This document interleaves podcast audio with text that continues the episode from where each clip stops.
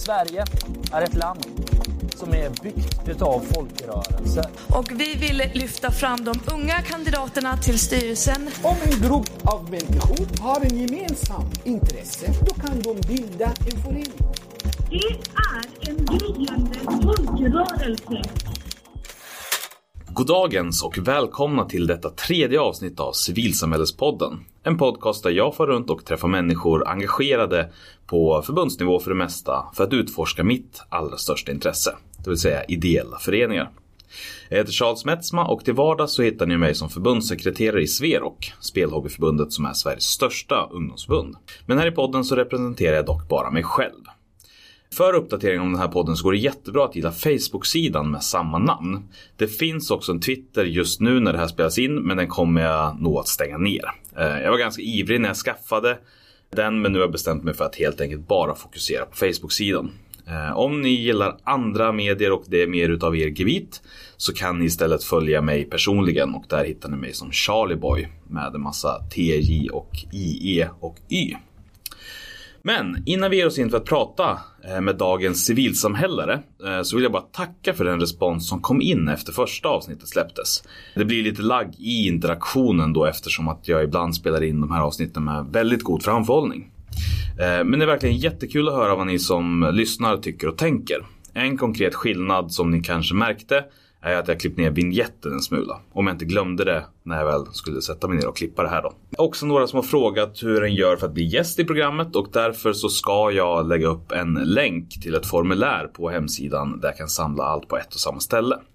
Bli inte heller oroliga om det skulle vara så att det dröjer några dagar innan jag svarar eftersom att jag gör det här på fritiden när jag har tid över. Det var allt jag hade att säga och innan vi kommer igång på riktigt så, eller det är dags att komma igång på riktigt och jag känner verkligen hur du Linus som sitter mitt emot mig är taggad. Goddagens! God dag! Och veckans gäst är då Linus Forsberg och du är ordförande för Unga med synnedsättning. Yes. Och först på dagordningen så står det ju som vanligt att vi ska lära känna dig lite bättre. Eh, och detta brukar ju då göras genom frågan Ja, men berätta lite grann om hur du blev en engagerad människa och tog det här klivet in i föreningslivet. Ja, jo alltså att eh, jag blev engagerad har egentligen folk runt omkring mig nog tyckt att det varit ganska logiskt att jag valde att bli engagerad för att de har sett mig som en ganska ambitiös person under hela min uppväxt. Medan själv så har jag verkligen sett mig som raka motsatsen. Jag har tänkt att jag är en ganska lat och bekväm person av mig som inte gillar att göra särskilt mycket. Men jag antar att jag får ompröva den bilden nu när jag har det engagemanget jag har. Men hur jag kom in började helt enkelt med att US, som då är vår förkortning, hörde av sig till mig när de skulle, distriktet, hörde av sig till mig när de skulle ha en aktivitet i Jönköping där jag bor. Och så tyckte jag att det verkade nice och då kom jag dit, träffade lite folk kände att men, stämningen är god så här, men det dröjde ändå några år innan jag började bli eh, aktiv i föreningen. Och då var det också för, när de väl kom tillbaka till Jönköping för att ha sitt årsmöte. Så åkte jag dit, mest för att jag ville träffa några kompisar, inte för att jag brydde mig så mycket om årsmöten. Men under hela den här helgen så hade de bestämt sig för att Linus ska in i styrelsen. Jag vet inte vad de grundade på. Men de hade någonstans bestämt sig för det här. Och det har jag även läst i tidigare styrelseprotokollet att sitta och prata om. Så någon som vet varför. Så, så det var en förutbestämd profetia? Lite så. Jag förstår fortfarande inte riktigt varför. Kanske får jag aldrig veta det. Men hur som helst så bearbetar de mig under den här helgen. Pratar om styrelsen. Jag är inte riktigt på kroken. Förrän ehm, en person som satt i styrelsen kom fram till mig och bara Men Linus, du gillar ju att tänka massa. Jag bara, ja. Och jag vet att du älskar god mat. Ja. Styrelsen väntar på dig. så jag bara, mm. Och då kände jag, men jag kan väl testa det här med styrelsen då. Och sen så blev jag invald i distriktsstyrelsen, satt där ett år. Kände att det här är väldigt spännande och ehm, då började jag även knyta kontakter runt om i övriga organisationer i andra distrikt. Och då är det flera av dem som börjar prata med mig om att jag kanske borde satsa på en ordföranderoll i distriktet.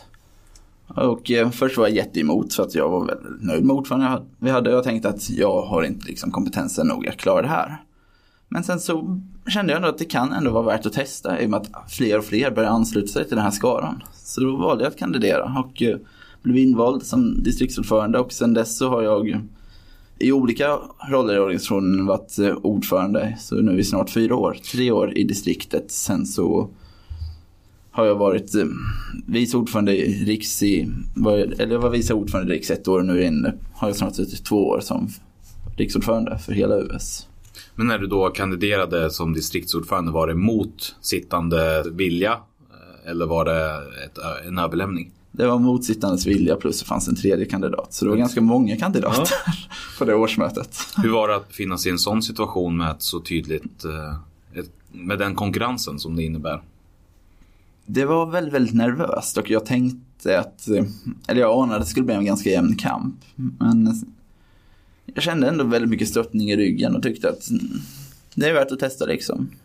Jag tror någonstans att, eh, det kommer vi kanske komma in på lite mer senare, men jag tror att en, den ledaren som blir bra är inte den som liksom själv, själv kommer på tanken att de, jag ska ta och leda den här gruppen. Utan det är den där gruppen kommer på att den här personen ska leda oss. Och det är någonting som följt med mig genom alla olika saker jag har kandiderat till. Att det är väldigt sällan jag som har tagit första initiativet utan det är folk som har pratat med mig och sagt att de gärna ser mig på olika poster. Men vad var det som fick dig då, för du började ju ändå att beskriva på något sätt att du var den motvilliga styrelsemedlemmen. Vad var det som eh, var vändningen som gjorde att du gick därifrån att nej, jag vill inte vara en del av det här till att eh, kandidera emot eh, någon som sitter och vill fortsätta? Vilket i många organisationer liksom på något sätt är nästan en skymf att göra. Eh, inte i de traditioner där jag kommer ifrån men, men det är ändå ett stort steg är det på något sätt. Ja, nej det är en bra fråga så. Mm, Och eh, jag funderat också lite på vad det var som fick mig att ändå ta det klivet. Jag har nog inte riktigt någon bra fråga på det där faktiskt. Nej. Det var någonting i det som ändå kändes rätt. Jag kände att det var värt att testa. Även om jag alltid varit eh, ganska bekväm med mig så är jag någon som också gillat att utmana mig själv. Jag såg det från början mest som en kul utmaning.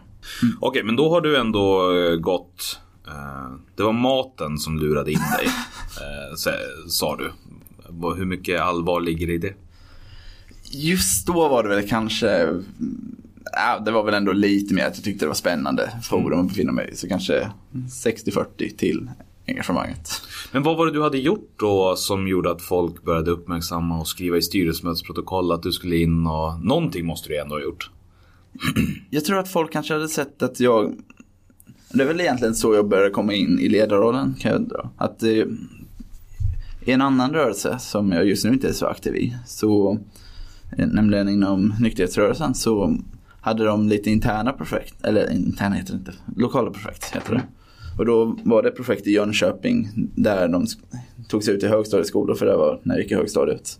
Och eh, helt enkelt ville få ungdom att försöka organisera sig mera och göra saker som de vill för att kunna påverka fritiden.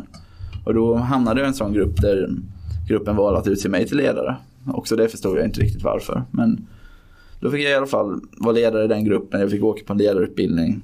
Där jag också, jag känner att det här blir ett väldigt återkommande tema för mig. Men jag kände när jag satt där och då att jag nog var ganska oambitiös. För att jag flera gånger satt och tänkte på något annat. Men sen har jag sett bilder efteråt och ser hur när alla andra sitter och petar på varandra och sitter med mobiler så sitter jag för anteckningar från föreläsningen. Så kanske var jag nog mer ambitiös än jag tänkt mig att jag var. Säljer du dig själv för kort kanske? Fullt möjligt att jag gör det. Men, men, eh, men vad var det som fick dig att haka på det där projektet som, som nykterhetsrörelsen gjorde då? Jag tyckte det var en intressant tanke att eh, det var ju då i studiecirkelformen helt enkelt att vi eh, unga i staden som kanske inte gjorde jättemycket då fick möjlighet att utforma lite mer vad vi ville göra på fritiden. Men då i mer organiserad form. Och då lockades jag av den tanken. Jag tycker, vi har ju inte träffats innan eh, vi satte oss ner för det här samtalet. Och nu har du hunnit beskriva dig själv som oambitiös. Men samtidigt så allt du berättar låter väldigt eh, liksom motsatt. Men jag kan ändå känna igen mig själv i det där på något sätt. För att jag hade samma den här bristande viljan och bristande ambitioner. Men sen när det väl dök upp någonting som jag tyckte om så nu har ju till och med folk beskrivit mig som passionerad. Vilket eh, kändes väldigt långt bort för mig förut för länge sedan. Ja, men det där känner jag, mig, känner jag verkligen igen mig i. Jag har någon gång ibland tänkt på det här hur mitt engagemang står i kontrast till att jag egentligen är en sån som gillar att ta det väldigt lugnt. Jag tänker mig att eh, det också handlar om att jag stör mig väldigt mycket på liksom, orättvisor som finns. US jobbar ju väldigt intressepolitiskt. Jag tänker mig att eh, del av mitt engagemang kanske handlar i att jag vill skapa förutsättningar för att jag ska kunna få vara den här latmasken. För att det då inte ska finnas så mycket saker att störa sig på. Men nu finns det det och då måste vi ta tag i det. Så du jobbar hårt för att slippa jobba. Ungefär, Ja. så, så skulle vi kunna sammanfatta det. Men om du berättar lite då om uh, Unga med synnedsättning. Vad är er verksamhet består av? Varför bytte ni namn? Och ja, Ja. Vilka är ni? Yes, jag kan börja med att ta det här med namnbyte för vi bytte ju namn nu vid årsskiftet. Och det handlar om att vi dels terminologiskt har använt oss av begreppet synnedsättning i närmare tio år. Men vi har fortfarande haft kvar ordet synskadade i vårt namn. Sen så är det också väldigt mycket av en identitetsfråga att eh, förr så fanns det mer negativ syn på rent allmänt på folk som hade en funktionsnedsättning och då blev nog även synnedsättning i vårt fall en väldigt stor del av vår identitet. Varpå folk gick runt och sa att jag är synskadad eller jag är blind. Nu ehm, har vi börjat lyfta det här fokuset lite och försöker lyfta fram att det finns så mycket annat i vår identitet som vi vill prata om. Jag är ganska bekväm av mig men jag gillar också musik. Jag älskar allmänt att debattera. Och det finns väldigt mycket annat i min identitet än att jag har en nedsatt synförmåga. Och då vill vi med det här namnet också lyfta fokus från att en person är synskadad till att den har en synnedsättning. Men det behöver inte vara det som är det avgörande i personens identitet. Och hur mycket, ha, hur mycket makt har språket i, i ett sådant här sammanhang? Alltså, Jag tror att internt för oss så har det väldigt mycket Mm. makt så. Och jag tror även att eh, i samhället så används fortfarande begreppet synskadad väldigt mycket. Och då tror jag att eh, vi med ett sånt här namnbyte också kan påverka rent kommunikativt att ordet synnedsättning sprids mer. Att, det sen, att vi får en framtid där folk pratar om en person som har en synnedsättning istället för att de pratar om en person som är synskadad. mm. Så jag tror att språket spelar in ganska mycket. Men har du, har du hunnit märka någon skillnad? Nu är det ju bara Det är väldigt nära årsskiftet när vi spelar in men har det funnits några reaktioner eller har någonting hänt redan nu på namnbytet? Det jag märker är att de få representativa sammanhangen jag har varit i, där jag nu kunnat presentera oss som unga med synnedsättning, så märker jag att folk i större utsträckning pratar, när de pratar använder begreppet synnedsättning än de gjorde innan. Då, även om jag alltid i mitt, när jag pratar använder begreppet person med synnedsättning så har folk ofta svarat med ja, synskadade personer. Mm. Men nu märker jag att folk i större utsträckning anpassar sig efter det namnet jag presenterar organisationen med. Sen, samtidigt har vi fått jättemycket positiv respons via sociala medier på det här namnbytet. Där massa personer som annars kanske inte alls talar som vår organisation hör av sig till oss och tycker att det här namnbytet är helt rätt. Skulle du säga att det här tillägget då, just ordet med eh, innan synnedsättning, att det är en stor skillnad mot förut när det var synskadade? Just det här du pratade om identiteten och hur inkorporerat det är i vem man är. Mm. Jag tycker verkligen att medet blir väldigt, väldigt viktigt just för att för mig så, jag hade till exempel, även om jag tycker att Unga med synnedsättning var det bästa namnet, kunnat deala med Unga med synskada ifall vi hade bestämt oss för att synskada var ett bättre terminologiskt ord att använda sig av.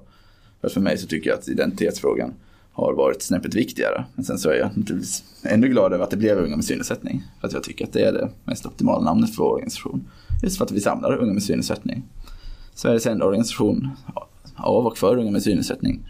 Och vad, är det, vad består er verksamhet av? Du nämnde att ni har distrikt i alla fall, men vad, vad gör förbundet? Vad gör distrikten? Vad gör lokalföreningarna? Distrikten har ju framförallt det stora ansvaret för det sociala arbetet. Att eh, arrangera aktiviteter för medlemmar. Se till att folk vill komma in i organisationen. Sen så bedriver de ju även sitt lokala påverkansarbete. I och med att det är distrikten som känner sin omgivning bäst. Vi här i Stockholm har ju väldigt svårt att veta exakt vad det finns för problem uppe i Sundsvall. Utan det är ju de som bor där uppe som kan de, den problematiken bäst. Och det vi i Riks gör är att även om vi har några sociala aktiviteter så har vi mest utbildningar för våra distrikt och sen så jobbar vi med nationellt påverkansarbete. Och när ni har sociala aktiviteter, finns det något särskilt fokus på det eller är det lite mer som vi unga att vad som helst så länge det är verksamhet? Det kan vara vad som helst. Gärna slänger vi in någonting som blir unikt för våra medlemmar. Vi har många distrikt som har haft prov på bilkörning som en aktivitet i och med att det är någonting vår medlemskår inte får göra. Vi, att vi ser så pass dåligt att vi inte får ta körkort. Men sen är det också att skapa liksom en mötesplats där unga med synnedsättning kan samlas och utbyta erfarenheter. Dra lärdom av varandra. Gemenskapen är central även i denna förening. Det är den verkligen. Men vad finns det för grejer? Varför skulle jag bli medlem om jag hade en synnedsättning? Eller kan jag vara medlem ändå? Eller hur, hur fungerar Nej, vi samlar ju bara personer med synnedsättning Mm. i åldrarna 12 till 30. Och eh, varför vi skulle bli medlem då så skulle jag väl säga att eh, det vi gör är framförallt dels det här sociala som jag var inne på innan, att du faktiskt får möjlighet att utbyta erfarenheter. Det kan ibland vara ganska enkla saker om hur du klarar din vardag. Då, vissa saker, då det kan finnas vissa svårigheter i det. Men även för att det påverkansarbete vi bedriver är ju sånt som ligger med, liksom finns i våra medlemmars vardag. Där vi jobbar med, från, med allt ifrån att göra kulturen tillgänglig genom att erbjuda att det finns syntolkning som då är att någon person som ser fullt förklarar det visuella som sker om det är en film eller om det är en konsert eller teaterföreställning. Vi jobbar med skolfrågor i och med att vi där ser att det finns ganska mycket okunskap hos lärare om hur de ska inkludera eller hur de ska anpassa undervisningen för att inkludera exempelvis elever med synnedsättning. Och där har vi vår stora flaggprojekt som är att vi vill få in ämnet inkluderingskunskap på samtliga lärarhögskolor. Just nu är det ett frivilligt ämne som lärarhögskolorna kan välja om de vill erbjuda. Men vi tycker att det är rimligt att alla lärare får lära sig hur de ska inkludera samtliga elever i klassen. Och det, är liksom, det är några av sakerna vi gör. Men det intressepolitiska vi gör är ju sånt som våra medlemmar kommer märka av i sin vardag. Och väldigt mycket av det tillgängliga som finns nu i samhället är sånt som US historiskt sett har varit med och drivit fram. Så därför skulle jag säga att det är rimligt att bli medlem. Väldigt spännande. Just den här biten av att både vara social och skapa gemenskap och samtidigt påverka och förbättra förutsättningarna. Det, men det, det är en kul mix som, som jag upplever att många, många organisationer har. Just det här både, både rent lalla runt och äta fikabröd men också göra skillnad i världen. Ja men precis. Och att de två delarna är svåra att separera och också lika viktiga på något sätt. Ja men verkligen. Skulle du säga att eh, unga med synnedsättning just nu befinner sig i att förvalta, förnya, utveckla eller stagnera som organisation? Jag skulle säga att i och med det här namnbytet så är det ju att vi gör en ganska stor förnyelse. Men bortsett från det så skulle jag säga att vi just nu är inne i en ganska stor utvecklingsperiod. Där vi, och det har vi varit ganska länge just nu, där vi har sett över gamla rutiner. Där vi funderar på vad vi har för organisationsstruktur. Där vi börjat bolla fram lite nya idéer om hur vi kan göra US mer modernt, göra US mer attraktivt för våra medlemmar. Och göra att US kan fungera ännu bättre både internt och externt. Så jag skulle mer säga att vi är inne i en förnyelseperiod. När började den förnyelseperioden och när kommer den att sluta? Jag tror att eh, jag skulle säga att förnyelseperioden började i slutet av 2014. För då la vi bland annat om kansliorganisationen. Skapade några helt nya tjänster, gjorde om där.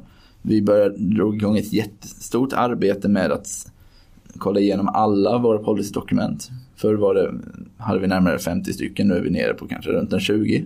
För att det var jättemånga som var jätteinaktuella. Och det fanns jättemånga som vi upptäckte att de här kan vi korta ner och de här kan vi slå samman.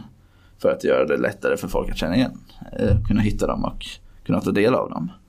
Jag skulle väl säga att jag tror att den här förnyelsen kommer sluta någon gång i slutet av 2017. Vi har fortfarande några saker kvar som vi vill få på plats. Men jag tror att eh, i slutet av 2017 så är vi ute ur förnyelseperioden och då gäller det att förvalta det vi nu har skapat. Finns det någonting du vill lägga till om US som jag inte har frågat om som är viktigt för lyssnarna att ta med sig? Alltså, får jag göra lite sm- smygreklam? Det är inte smygreklam, gör det öppet och ärligt. ja. ja, men det jag kan lägga till här som jag tycker att US har blivit bättre på nu på senare år är också att vi har blivit betydligt mer öppna med att knyta flera samarbeten runt om i civilsamhället. Förr har vi varit antingen ganska låsta till oss själva eller till Synskadades riksförbund som vi då först kom ur. Vi är en självständig organisation men när vi bildades ur dem. Eller så har vi varit ganska låsta till den unga funkisrörelsen. Men nu har vi på senare år försökt bli bättre på att öppna upp ha samarbeten med andra organisationer i unga civilsamhället. När vi jobbar med skolfrågor så ser vi jättegärna ett samarbete med skolorganisationer. Om vi vill jobba med spelfrågor så är Sverok mm. jättenaturligt för oss att vända oss till. Och det är någonting som vi har dragit igång nu framförallt de kanske senaste året och som jag tror att US kommer fortsätta med. Det där är någonting som jag upplevt många organisationer gjort eh, liksom större skillnad på på senare tid och framförallt Sverok. Vi var ju väldigt länge de hemliga nördarna eh, som inte ville ha med någon annan att göra överhuvudtaget. Men när vi nu arbetar mer över gränserna. Ja men precis. Och jag tror att för US del har det handlat väldigt mycket om att eh, i mångt och mycket så är tyvärr unga med synnedsättning en grupp som känner att den står ganska långt ifrån samhället och det finns en stor andel som är arbetslösa, många som upplever att skolan fungerar dåligt. Och då tror jag att det har varit ganska viktigt för US medlemmar att vi får äga våra frågor. Men samtidigt så tror, har min inriktning som ordförande varit att även om vi äger frågorna så kan vi naturligtvis ha kompisar som hjälper oss med de här frågorna precis som vi kan hjälpa andra. Jag tror att vi har kvar samma tänk om att det är viktigt att vi får formulera vår agenda. Men vi har blivit lite mer öppna med att andra får hjälpa oss att föra fram den när vi väl har formulerat den.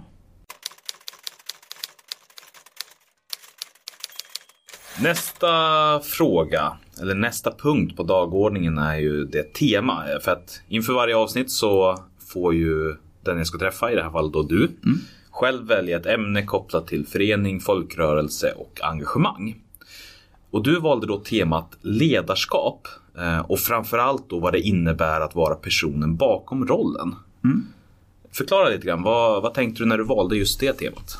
Jo, det här med ledarskap är någonting som jag nu framförallt på senare år har fascinerats väldigt mycket över och eh, där de som följer mig på sociala medier vet att jag gillar att skriva en del, hel del om det här.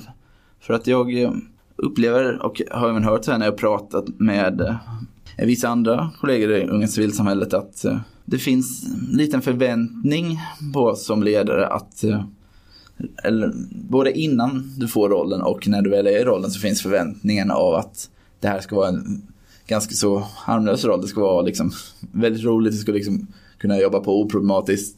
Du ska må väldigt bra i den här rollen. Och om det är någonting som inte är bra så är det någonting som det, jag upplever att det knappt talas om för. Av olika anledningar. Det kan vara att organisationen har en kultur som gör att du kanske inte riktigt ska prata om vissa saker. Kanske om du mår dåligt i rollen om, av olika anledningar som jag tänker att vi kommer in på lite senare. Det kan vara en fråga, det kan vara efterträdesfrågan som är väldigt viktig för många. Att man kan känna att om jag pratar om hur jag mår i den här rollen så kanske jag skrämmer bort eventuella efterträdare. Och där tänker väl jag någonstans att jag ändå tror att det är viktigt att vi som ledare både för att faktiskt vara ärliga mot de som eventuellt efterträder oss men även för att kunna stötta varandra, att vi vågar prata om de sidorna av ledarskapet som kanske inte alltid är så roliga. Även om majoriteten av tiden är helt fantastisk på många sätt så finns det absolut mörka sidor. Och eh, då har jag tagit på mig lite rollen att försöka framföra de här i olika sammanhang. Men när du tänker på de här mörka sidorna av ledarskapet, vad är det mer specifikt du tänker på exempelvis? Eh, Ett ganska färskt exempel som jag skrev om för några dagar sedan är att eh, naturligtvis kan det vara så att du inte alltid kommer överens med alla och det är helt okej. Det hade varit jättekonstigt om alla skulle komma överens med det hela tiden. Och i de flesta fallen så funkar det här väldigt bra för att det ändå finns en ömsesidig respekt om att ja, men du har en åsikt, jag har en annan men vi vill båda väl. Men sen kan det ibland, och där, det är en sån situation som jag har varit med i, hända att den personen som inte tycker som du, utifrån mitt perspektiv då, går över den här gränsen och helt börjar släppa sakfrågorna och bara bestämmer sig för att eh, jag tycker inte om dig som person och jag vill göra saker som gör dig illa. Vad, vad har du då för, för ansvar eller möjligheter som ledare att bemöta en sån sak? Hur har det fungerat för dig? Eh, Det som, om jag ska konkretisera det här exemplet så handlade det här om tiden då jag var vice ordförande i Riks och jag var distriktsordförande. Där jag hade två styrelseledamöter som verkligen inte alls gillade hur saker och ting sköttes. Vi försökte diskutera det här och till en början så tyckte jag att diskussionen fungerade bra. Att jag upplevde att det mer handlade om att vi hade lite olika inriktningar om hur vi ville liksom, att organisationen skulle utvecklas. De, de var ganska nöjda med den organis- organisationsstrukturen som vi hade. Medan jag tyckte att det fanns olika förbättringsområden. Och då blev de missnöjda med att jag gick in och förändrade en hel del. För att jag hade en majoritet av styrelsen bakom mig i det. Och eh, det här började skena, skena iväg ganska mycket så det slutade med att eh, dels så lämnade de här styrelsen. Och sen så drar de igång en väldigt personligt riktad uthängning av mig på sociala medier. Där de går in och de förtalar mig. Och det handlar inte alls längre om sakfrågor utan de ska bara beskriva vilken dålig människa jag är. Och eh, det är en sån situation som blir väldigt jobbiga att ha som ledare. För någonstans så vill jag ju ändå... Som ledare känner jag mig, även om jag som människa kanske känner att jag bara vill liksom sänka mig till deras nivå ibland. Inte för att det är bra eller på något sätt rätt, men för att det är skönt att få ut sin frustration. Så känner jag som ledare att jag kan inte göra det här i den här rollen. Och det jag fick göra då var att, eller tusen behöver inte jag bestämma så mycket utan folk runt omkring mig sa att Linus du kan backa här så tar vi det här åt dig. Att jag hade, fick en jättebra uppslutning av det här. Det som är problemet med den här situationen som jag har märkt av nu är att det har ändå lämnat ganska djupa sår.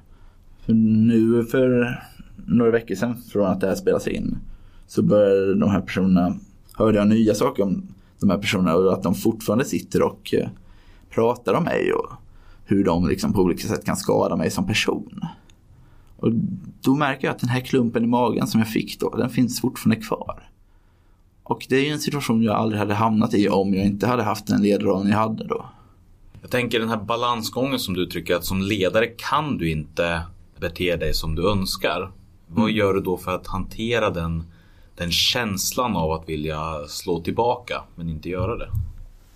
Jag har haft turen att jag har haft eh, Förr så, eller förr, jag har ju fortfarande, men förr så hade jag mest vänner som jag kunde bolla med och som jag då kunde ta det mer privat med. För då kände jag att eh, om det är vänner som är utanför organisationen och det här är någonting som bara blir mellan oss, då kan jag få prata ut med, om min frustration.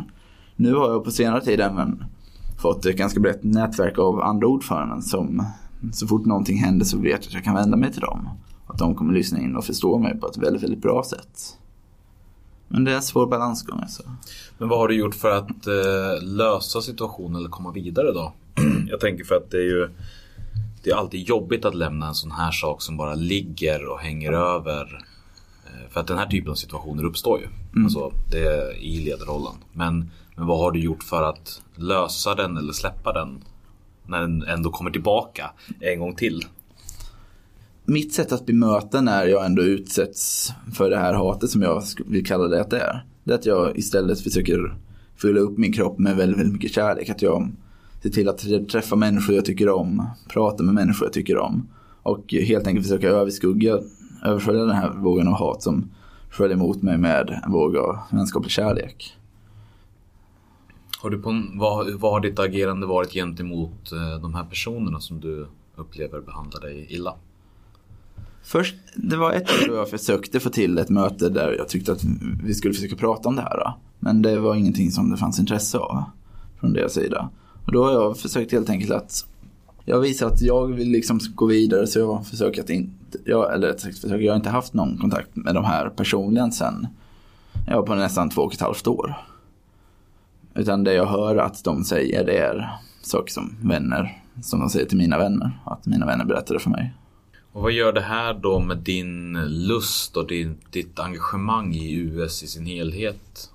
Och hur hanterar du det ur den aspekten? det finns två sidor av det här. Å ena sidan så blir jag, jag blir uppriktigt ledsen av det här för att jag tycker inte att någon som har en roll, oavsett om det är en ledare eller en styrelseledamot eller vad som helst, ska behöva ta massa privat skit på det här sättet för den rollen den har. Och då blir jag ledsen över det konceptet. Samtidigt så är jag en sån som, det kanske låter som att det står lite i strid med att jag är lat, men jag är samtidigt en sån som inte riktigt heller gillar att ge upp när jag väl är inne i någonting. Nej. Så samtidigt blir det här en sparkraft. Och Det var någon som sammanfattade det här igår att om vi skulle räkna på liksom alla US-medlemmar, nu är de inte medlemmar längre, men på den tiden då de var det, så pratar vi om två stycken som uttrycker att de hatar mig. Nästan resten uttrycker på ett eller annat sätt att de älskar mig. Och då är det liksom, jag tror personen jämför det lite med att vara på en stor buffé. Där det finns jätte, jättegod mat men sen finns det den där himla potatisbullen som jag avskyr. Varför ska jag då gå och vara sur på potatisbullen när jag kan äta fantastiskt god mat för att det finns så mycket mer som erbjuds?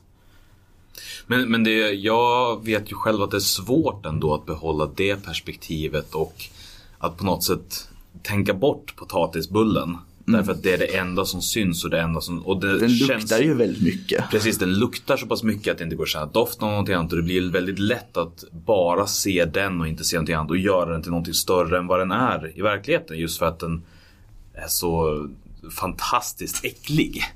Den här potatisbullen. Privat skvaller om mig. Potatisbullar är det värsta jag vet i matväg. Nej men precis, och, men, men just den här hur, hur någonting som egentligen med perspektiv utifrån sett kan ses som ganska litet ändå överskuggar hela ens verklighet. Vad Hjälpte den buffémetaforen dig att på något sätt få distans till det hela eller hur? Lite kan jag säga ändå att den buffémetaforen hjälpte. Sen så har jag också, som jag är inne på nu när jag har framförallt fått ett fantastiskt nätverk av ordförandekollegor. Märker jag att eh, det hjälper så oerhört mycket att prata med andra människor som då också hatar potatisbullar om vi ska fortsätta på den metaforen. Och någonstans bara så här få prata ut med dem som förstår. Det är lätt för den som gillar potatisbullar att ändå säga ja men okej jag förstår att du kanske inte gillar det här. Men det är en helt annan förståelse när man pratar med den som faktiskt känner likadant. Och det har hjälpt mig väldigt, väldigt mycket.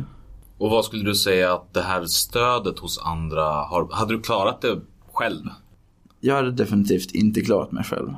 Visst så är jag ensam stark men ibland är jag ensam inte stark nog och då är det väldigt, väldigt viktigt att ha andra runt omkring dig. Sen kan de människorna stöd se väldigt olika ut och det kan folk kan bidra olika mycket men alla som bidrar liksom stöttar och hjälper väldigt mycket. Och det här är då en aspekt av ledarskapet som, som vi inte pratar om. Just den här när, när olika viljor övergår till någonting personligt. Ja, eller, när, ja, eller när det professionella blir liksom privat någonstans. Liksom. Men har du något exempel där det har varit eh, liknande men inte har gått fullt så långt och vad var skillnaden i agerandet från båda parter? Eh, naturligtvis har jag varit i situationer där det har funnits väldigt stora eh, meningsskiljaktigheter så. Och, men där så, det blir det någonstans aldrig personligt just för att jag tänker, för då känner jag ändå någonstans att det här handlar om en sakfråga, vi har olika perspektiv. Framförallt så brukar det ofta stå när det inte är personligt finnas en vilja att faktiskt, eller både vilja och möjlighet att kunna resonera kring det. Och skapa en större förståelse för hur den andra resonerar. Och eh, jag har nog aldrig riktigt hamnat i ett problem där en sakfråga har blivit jobbig. Men har du förändrat ditt ledarskap på något sätt för att, eh, för att förebygga att den här typen av situationer uppstår? Jag tror tyvärr att eh, för en person som vägrar låta sig tystas när den har någonting att säga så tror jag tyvärr att det är omöjligt att förebygga en sån här situation. Alternativet skulle vara att jag tystar mig själv, att jag begränsar mig själv och det tror jag är mer skadligt. Och vad kan man då göra för att främja ett klimat som, alltså som ledare då, för att någonting måste man väl ändå kunna göra för att eh, förebygga, även om man då driver på och inte kan släppa sakfrågan i sig. Men just det här att förebygga och förhindra att det landar i den, att det övergår till att vara någonting personligt, tänker jag. Och eftersom att du inte har varit i den situationen igen trots att du då fortfarande inte kan hålla tyst när du upplever någonting. Så måste du ha gjort någonting annorlunda. Jag tror att det jag har blivit bättre på är att jag även i diskussioner där det då finns stora meningsskiljaktigheter så är jag väldigt noggrann med att kanske ännu tydligare än jag var för försöka att verkligen genuint visa att jag fortfarande så här, inte liksom så här, att jag är emot din åsikt betyder inte att jag är emot dig som person. Jag kommer respektera din åsikt fullt ut i det här. Och jag är ju väldigt intresserad av att hitta en lösning som vi båda kan gå med på. Och det tror jag att jag kanske blivit tydligare i. Sen så vill jag ändå understryka i och med att det blev ganska så här negativt som jag sa i början också att i mångt och mycket så är ändå ledarskap någonting väldigt, väldigt fantastiskt för att det är någonting som utvecklar, dels utvecklas jag som person dagligen av det jag gör. Det är mestadels väldigt, väldigt mycket kärlek i den här positionen också. Och det är väldigt, väldigt kul att se när en människa som jag kanske har stöttat, när jag ser hur den utvecklas, gör någonting som den kanske själv aldrig tror att den skulle göra. När folk ringer och tackar mig för någonting jag har gjort. Antingen för dem eller för organisationen. Eller helt all, rent allmänt när jag ser att någonting går framåt. Då är det väldigt, väldigt kul också att vara ledare. Jag håller helt och fullständigt med dig och jag tycker om din ambition att nyansera. Men eh, nu vill jag fortsätta gräva och grotta lite grann i mörkret. Eh, finns det någonting, någon, annan baksida som du har känt eller? För att en sån sak som jag kan uppleva mycket när det kommer till just baksida av ledarskap. Det är mycket förväntan på tillgänglighet. Att väldigt många kan förvänta sig att, eh, att den ska vara tillgänglig väldigt ofta och väldigt mycket. Nästan i vissa fall liksom visa ilska om svar inte kommer tillräckligt fort trots att det är fredag eh, klockan 01.23. Att det liksom finns en, en frustration för att svar inte kommer. Har du upplevt den någon gång? Jag har inte riktigt upplevt eh, att frustration över att folk tycker att jag svarar för långsamt. För ofta så, jag, är ganska, jag har ju alltid min mobil med mig. Jag, det är aldrig så att jag kopplar av den när jag är vaken. Så länge jag är vaken så kommer folk i regel kunna få svar ganska snabbt. En fredag 01.23 så vet folk att jag ibland typ sitter och läser stadgar och sånt. Så då är det bra tid att höra av sig. Ja men absolut, jag, jag är helt med dig där. Men just den här Mm. Ja, eh, precis. Det är en skillnad mellan att kunna få tag på mig då. Mm. Därför att jag är engagerad. Och att förvänta sig att få tag på mig. Ja, precis. Jag tänkte komma in på det. Att, eh, naturligtvis är det så också att, som du säger, att det finns en förväntan och ibland skapar det här lite en press. Och eh, där kommer vi in på en annan baksida som det börjar pratas betydligt mer om nu som jag är väldigt glad över. För att det är någonting som är väldigt vanligt men som kanske förr inte pratades om så mycket. Och det var att 2000, hösten 2014 för min del så upplevde jag att det fanns en väldigt, väldigt stor sån här förväntan på mig. Och eh, detta resulterade i, samtidigt som jag hade väldigt, väldigt mycket annat i mitt liv där jag hade började starta ett band, jag hade oerhört mycket i skolan, hade en rad andra projekt. Och tillsammans med den här förväntan av att jag, att jag alltid ska vara tillgänglig så blev det här någonting som gjorde att jag till slut brände ut mig själv den hösten och eh, gick in i väggen. Så att jag hade en period av väldigt, väldigt allvarlig och jobbig psykisk ohälsa. Mm. Som då bland annat var resultat, ett resultat av förväntan av att jag alltid ska liksom finnas tillgänglig. Och det i sig, när jag väl kom in i den här perioden så blev det det var nog en av de absolut jobbigaste situationerna jag varit i sett i ledarskap också. För att eh, jag drog mig väldigt, väldigt länge för att berätta om det här för folk. För att jag helt enkelt var ganska orolig över hur folk kommer se på mig. Om folk kommer antingen liksom börja fundera, liksom, hur ska jag säga.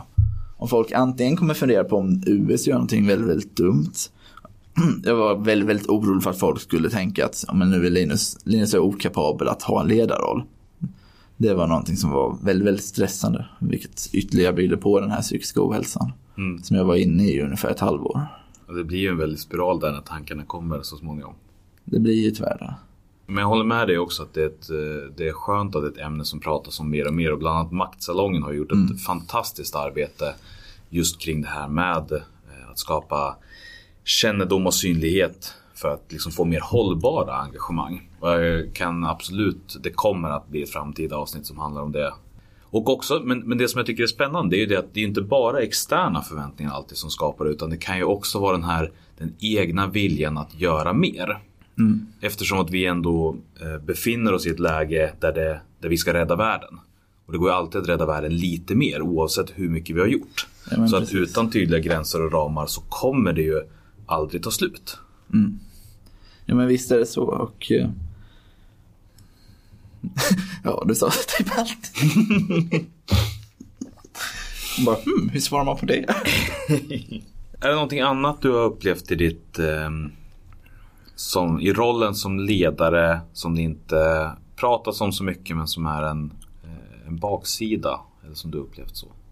Nej, men jag tror att det är lite det vi också var inne på ganska nyligen. Det här med förväntningarna på ledaren. Att eh, ledaren förväntas någonstans alltid vara tillgänglig. Ledaren förväntas också kunna vara den här som med glädje tar sig an varenda uppgift. Och med glädje också då kan delegera bort varenda uppgift. Och eh, någonting jag tror, det här handlar mer för folk som sitter i styrelser.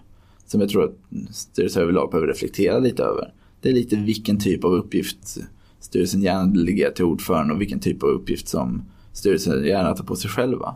Jag sitter ganska ofta på styrelsesammanträden där folk tycker att jag borde kunna delegera mera och sen så när de sen går in på vad de tycker att jag ska delegera så handlar det om i stort sett att plocka bort eh, de här absolut roligaste uppgifterna, de som i sig är de som ger en mest energi. För att lämna kvar ledaren med eh, uppgifter som definitivt behöver göras och som men som är de här som kanske inte är de här roligaste, de här som inte främjar engagemanget. Och jag säger inte att en ledare inte ska göra de här, men jag tror att det är väldigt skadligt om en ledare bara får de här uppgifterna. Jag tror att om saker ska delegeras, tror jag, eller om man vill ha saker delegerat till sig från ledaren så tror jag att man måste vara beredd på att både ta de här roliga och tråkiga grejerna. Och inte bara ta det roliga. En sak som jag tänker på. Det är, vad har du för... För en annan förväntan som finns på ledare är ju att man ska vara den större personen, att man ska vara professionell och alltid vara den som, men som i situationen när meningsskiljaktighet uppstår och den ena parten vänder sig till att eh, lansera hatkampanj. Så ska, är för fortfarande förväntningen att eh, du ska vara den större personen, att du ska föregå med gott exempel. Hur gör du för att leva upp till den förväntningen, om du lever upp till den förväntningen?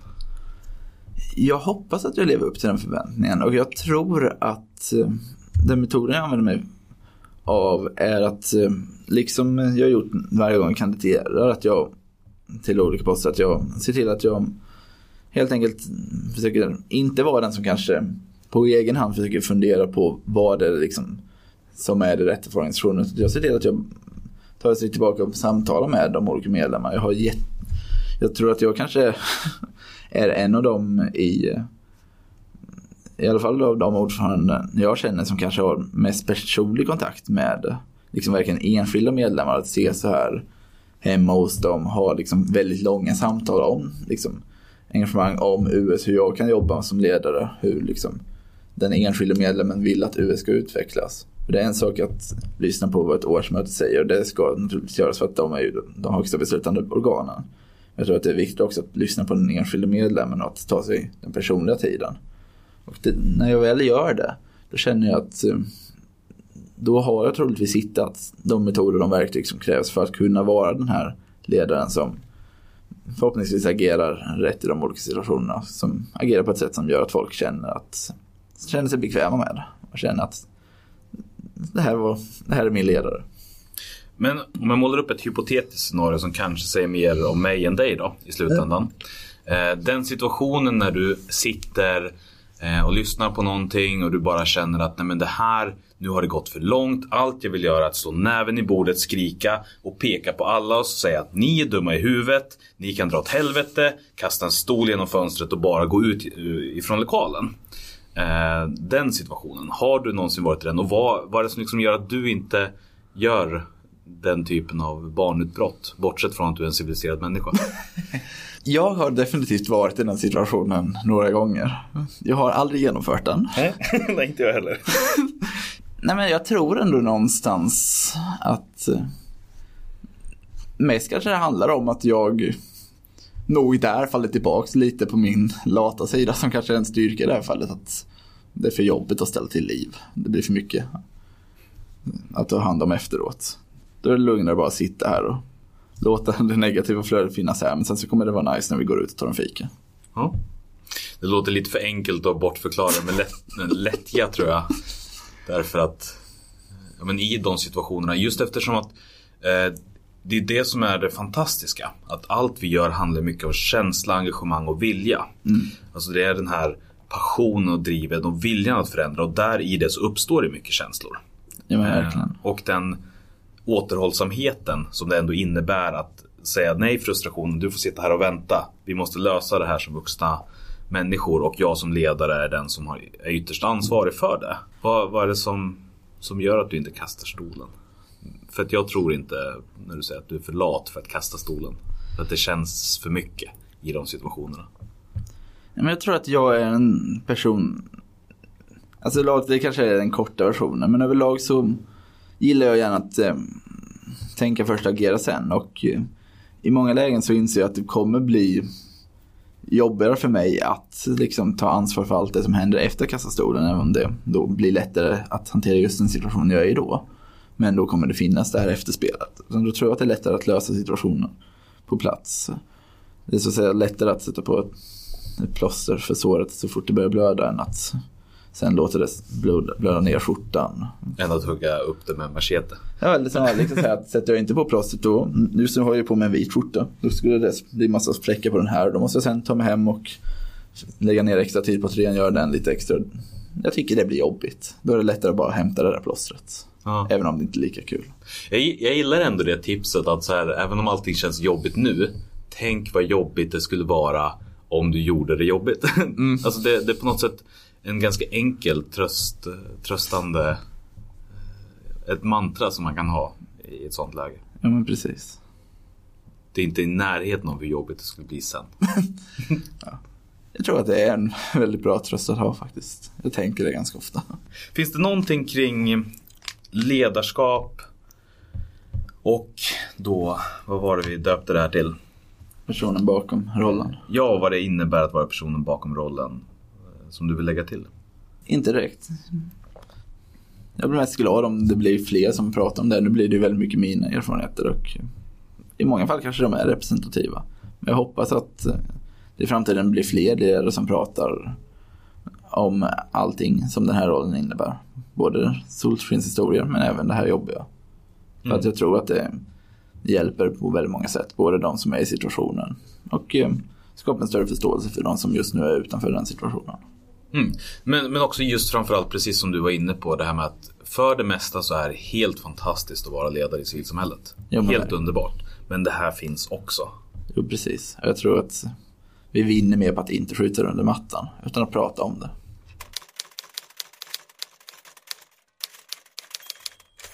Tack för, för det samtalet om ledarskap.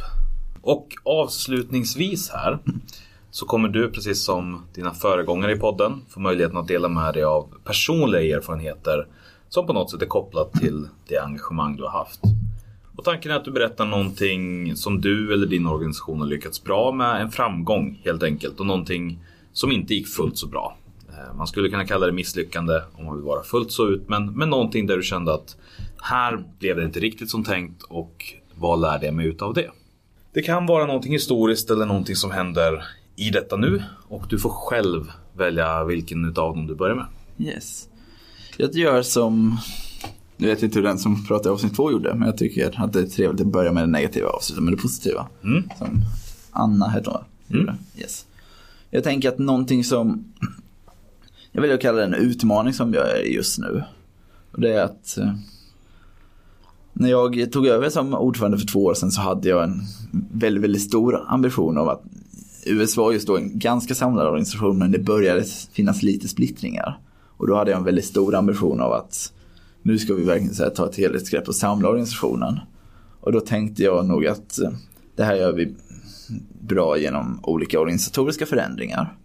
Som jag fortfarande tror att de organisatoriska förändringarna var rätt. Men jag tror, eller jag vet just nu att de kanske inte riktigt uppnådde just det målet. Så det är någonting som jag fortfarande för vi jobbar med. Att fundera på hur US kan bli den här samlade organisationen som jag vill att vi ska vara. Naturligtvis ska det finnas olika åsikter för det är någonting som stärker organisationen. Jag tror att vi skulle jag tror att det är ganska skadligt för en organisation där det hela tiden finns konsensus kring exakt allting. Jag tror att olika åsikter är bra, men vi ska samtidigt ändå kunna enas om en gemensam riktning för organisationen. Där det inte ska vara så att eh, vi i riksorganisationen vill föra organisationen åt ett håll, sen så vill ett distrikt föra åt ett annat och ett annat distrikt åt ett tredje håll. Jag tror att det är viktigt att vi vill åt samma håll och att det finns att det finns gemensamma milstolpar att jobba mot. Och det är väl lite ett misslyckande från min sida att jag än så länge inte lyckas få till den här enheten som jag tror att vi mycket väl kan uppnå. Och eh, det jag tror att jag kommer göra annorlunda nu i framtiden jämfört med hur jag gjorde då var att kanske släppa lite i, av, av de här strukturella bitarna. För att de tror jag just nu är ganska bra och mer fokusera på ytterligare föra samtal med de som vill åt ett annat håll än jag och försöka se vad jag kan dra för lärdom av deras åsikter. För naturligtvis är det så att jag inte sitter på alla svaren. Jag har säkert massa dåliga idéer och jag har nog en del bra också. Och där tror jag att, att ännu mer lyssna in de som inte tycker som jag i det här läget och se vad vi kan dra för lärdomar där och hur vi kan föra organisationen framåt på ett sätt som blir enande och stärker oss. Men skulle du säga att den här, nu, nu kommer jag bara på liksom massa väldigt drastiska synonymer som splittring och klyfta och men jag uppfattar det ändå som att det är någonting mindre. Men skulle du säga att det under din, din tid som ordförande då har varit liksom stiltje? Att det är samma som det var när du tillträdde eller har det blivit någorlunda bättre eller? Jag skulle väl säga så här att antalet personer som vill föra USA till ett annat håll är färre. Men de som fortfarande vill det, de vill det nog lite starkare nu. För att de kanske inte riktigt är helt eh, överens med mig om hur US ska föras framåt. Och då kan det vara en del saker som jag och styrelsen har genomfört som de inte är helt nöjda med. Och det tror jag att vi behöver bli bättre på att ta den diskussionen. Vad, vad, har du för, vad har du kommit på för knep och metoder av att jobba i en närvaro eller i liksom ett, ett tillstånd som är polariserat på det sättet och när det finns väldigt tydliga olika vägar inom en och samma organisation. Vad använder du för metoder för att ändå försöka ena? Jag tror någonstans att um, i och med att US ändå samlar liksom en väldigt specifik målgrupp så tror jag att alla vi vill egentligen åt samma håll. Men vi använder oss av lite olika metoder för att nå dit och eh, i och med de här, de här metoderna kan nog göra att det ser ut som att vi kanske inte riktigt vill åt samma håll. Men jag tror att under ytan så finns det den här viljan till enighet. Och jag tror att det handlar om att vi vågar prata ännu mer tydligt med varandra om vad det är vi egentligen vill. Varför tror vi att det här är en bättre omorganisering än den som kanske genomfördes? Vad, vill, vad skulle resultatet bli av den här? Och då kanske det visar sig att intentionerna är samma. Att det just nu finns en del missförstånd i det hela. Så behovet av dialog är det som blir större helt enkelt? Det tror jag. Vad har du för framgång att bjuda på då? Jag skulle nog ändå säga Ja, fast som jag egentligen redan pratat om. Det blir lite upprepning. Men jag tycker ju namnet är en jättestor framgång egentligen. Man skulle inte säga allt bra i början alltså. Men jag tror att om jag får vara väldigt intern. Absolut. Ja, så skulle jag säga att en väldigt stor framgång som jag har varit ganska drivande i, det har funnits väldigt många andra också, är att vi historiskt sett haft ett väldigt passivt Norrlandsdistrikt där engagemanget varit lite svalt och det kanske inte funnits jättebra stöttning från rikssida till det distriktet. Men där det just nu är ett fantastiskt bra distrikt där det finns en väldigt engagerad styrelse. Jag har väldigt mycket personlig kontakt med ordföranden. Så vi bollar idéer, jag får höra om jätteintressanta perspektiv från dem som jag tar med mig in i mitt arbete. Jag hjälper dem att eh, helt enkelt få igång distriktet där. Och eh, ett internt flaggskepp som jag har jobbat för nu i tre år som nu snart är i verket är att eh, av de här fem distrikten vi har i USA är det just nu tre av dem som har kanslier medan två stycken inte har någon typ av personal överhuvudtaget. Och då har jag i tre år drivit på att de två borde skaffa ett gemensamt kansli och ha gemensam personal för att då avlasta väldigt mycket av det administrativa från styrelsen. Ja, som just nu får sitta och sök, göra alla fondansökningar och så. Och nu är vi i slutet av den här fasen. Styrelsen är helt överens om att det här ska bildas. Det har gjort ett samarbetsavtal. Vi håller just nu på och ska i dagarna skicka ut arbetsplatsannonsen för liksom, att hitta den här personen. Och det är någonting jag är väldigt, väldigt stolt över. För jag tror att det verkligen kommer stärka de här två distrikten. Men vad är det du, där måste, där får du ändå på något sätt i ett fåtal meningar förklara på vilket sätt du har fått ett distrikt som, som eh, har varit låg, en, lågintensivt när det kommer till engagemang. Att plötsligt blossa upp och vara någonting livskraftigt. För det är, en, det är ju någonting som många organisationer ändå brottas med. Det som jag gjorde där uppe i norra distriktet var helt enkelt att få de som var aktiva där att inse att det är helt okej okay för dem att tänka nytt. De har haft, varit ganska låsta, framförallt i det sociala arbetet där det har varit väldigt mycket att nästan alla aktiviteter handlar om att de åker till badhus. Och det är liksom så, det är väl typ bara jag som skulle kunna tänka mig att åka över halva Sverige för att åka bada, för att jag älskar bada och älskar resa. Men jag tror inte att den generella medlemmen känner att det är värt att åka från Kiruna till Sundsvall för att bada. Däremot så är ju just Norrland ett väldigt fantastiskt ställe där det finns så oerhört mycket att göra. Och eh, jag helt enkelt, det jag gjorde var att jag helt enkelt pushade dem att helt enkelt våga vidga sina vyer lite. Så att eh, förra sommaren var vi i Åre och besökte Sveriges absolut längsta ziplinebana. Vilket var någonting som ingen US tidigare hade tänkt på men som var, många tyckte var helt fantastiskt. Och någonstans där började deras kreativitet att flöda igång. Jag tror att det de behövde var den här lilla pushen att ta sig ur ett mönster som de har varit ganska låsta i ett tag. Och helt enkelt inse att det är helt okej okay att göra någonting nytt. Det är helt okej okay att göra någonting betydligt roligare. Det är liksom därför vi ska göra det här. Vi ska liksom, för att återkoppla till din tidigare fråga, vi ska liksom förnya och utveckla. Vi behöver inte förvalta om det vi förvaltar är någonting som vi inte gillar. Utan då är det helt tillåtet för oss att förnya och utveckla. Och den bollen tror jag att jag lyckades sätta i rullning. Och det känner jag att det förvaltar de just nu väldigt bra. Det låter ju alldeles fantastiskt. Jag tyckte om den konkretiseringen. Som ändå glöms bort väldigt ofta. Just det här att man fastnar i ett förvaltande av någonting man inte gillar. Men det förvaltas vidare därför att det är så det har förvaltats tidigare. Ja men precis. Och där, som vi var inne på, jag tror verkligen att ungdomsrörelsen är ju kanske, min upplevelse att det är lättare i ungdomsrörelsen just att faktiskt få sätta sin personliga prägel på saker och ting. Och det tror, tycker jag verkligen att man ska ta tillvara på. Att våga förnya och utveckla. I framtida avsnitt om det är så att jag träffar någon representant som inte kommer från ungdomsorganisationerna kanske vi får på tafsen. Men, men, men generellt sett så går ju allting väldigt mycket fortare. I alla fall i ungdomsrörelsen än i övriga civilsamhället. Men det är också för att vi har eh, mycket högre omsättning av förtroendevalda och liknande. Men tack! Tack så jättemycket. Jag vill rikta ett jättestort tack till dig Linus för att jag fick komma hit till ert kansli och du berättade om det här. Tack själv. Eh, Det har varit jätte, jättekul. Och jag vill också tacka dig som har lyssnat. För jag blev väldigt, verkligen eh, på riktigt överväldigad av hur stort genomslag det här första avsnittet fick och hur många det var som hörde av sig. Och fortsätt eh, tipsa dina vänner och kom som vanligt med synpunkter till mig eller till Facebook-sidan då som heter Civilsamhällespodden. Och oavsett vad du har tänkt så vill jag veta.